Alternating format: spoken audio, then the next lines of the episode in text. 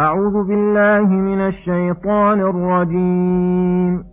وإن خفتم ألا تقسطوا في اليتامى فانكحوا ما طاب لكم من النساء مثنى وثلاث ورباع فإن خفتم ألا تعدلوا فواحدة أو ما ملكت أيمانكم ۖ ذلك أدنى ألا تعولوا وآتوا النساء صدقاتهن نحلة فإن طبن لكم عن شيء منه نفسا فكلوه هنيئا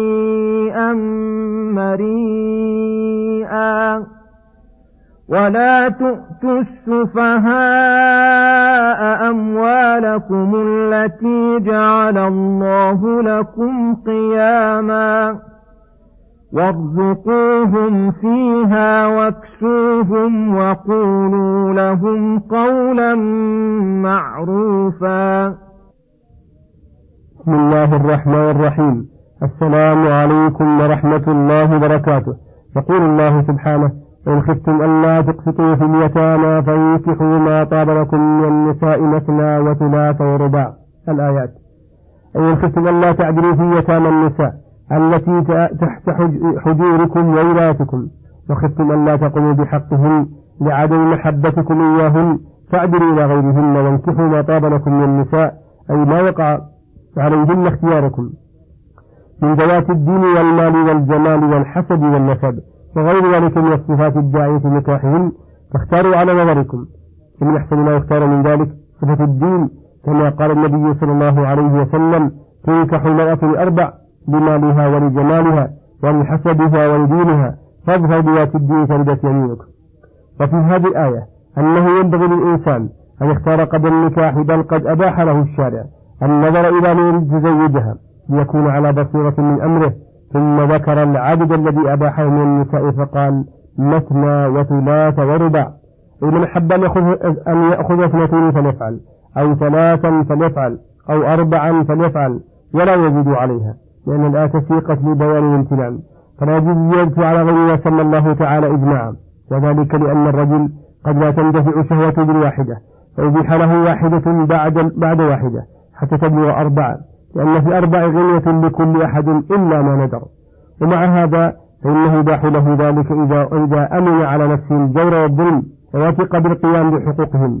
وإن خاف شيئا من هذا فليقتصر على واحدة أو على ملك يمينه فإنه لا يجب عليه القسم في ملك اليمين. ذلك الاقتصار على واحدة فإن ملكة اليمين أدنى أن لا تعولوا أي تظلموا وفي هذا إن تعرض العبد للأمر الذي يخاف منه الجور والظلم وعدم القيام بالواجب ولو كان مباحا أنه لا ينبغي له يتعرض له بل يلزم السعة والعافية. إن العافية خير ما يعطي العبد.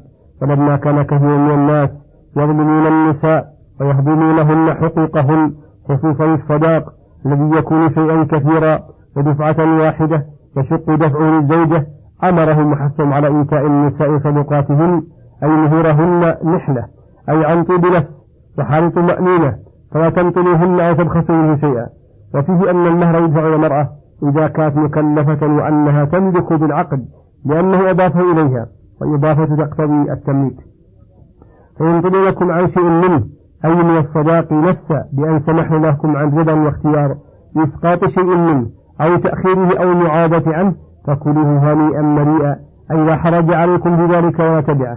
وفيه يدل على أن للمرأة تصرف في مالها ولو بالتبرع إذا كانت رشيدة فإن لم تكن كذلك فليس لعطيتها حكم وأنه ليس لوليها من الصداق شيء غير غير ما طابت له.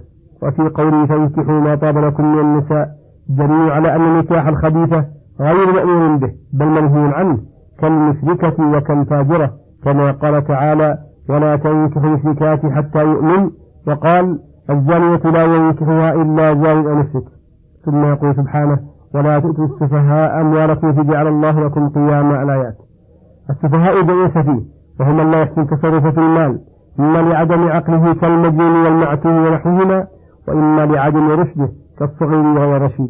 فنهى الله الأولياء أن يؤتوا هؤلاء أموالهم خشية إفسادها وإتلافها لأن الله جعل أموال قياما لعباده في مصالح دينهم ودنياهم وهؤلاء لا يحسن القيام عليها وحفظها وحفظها.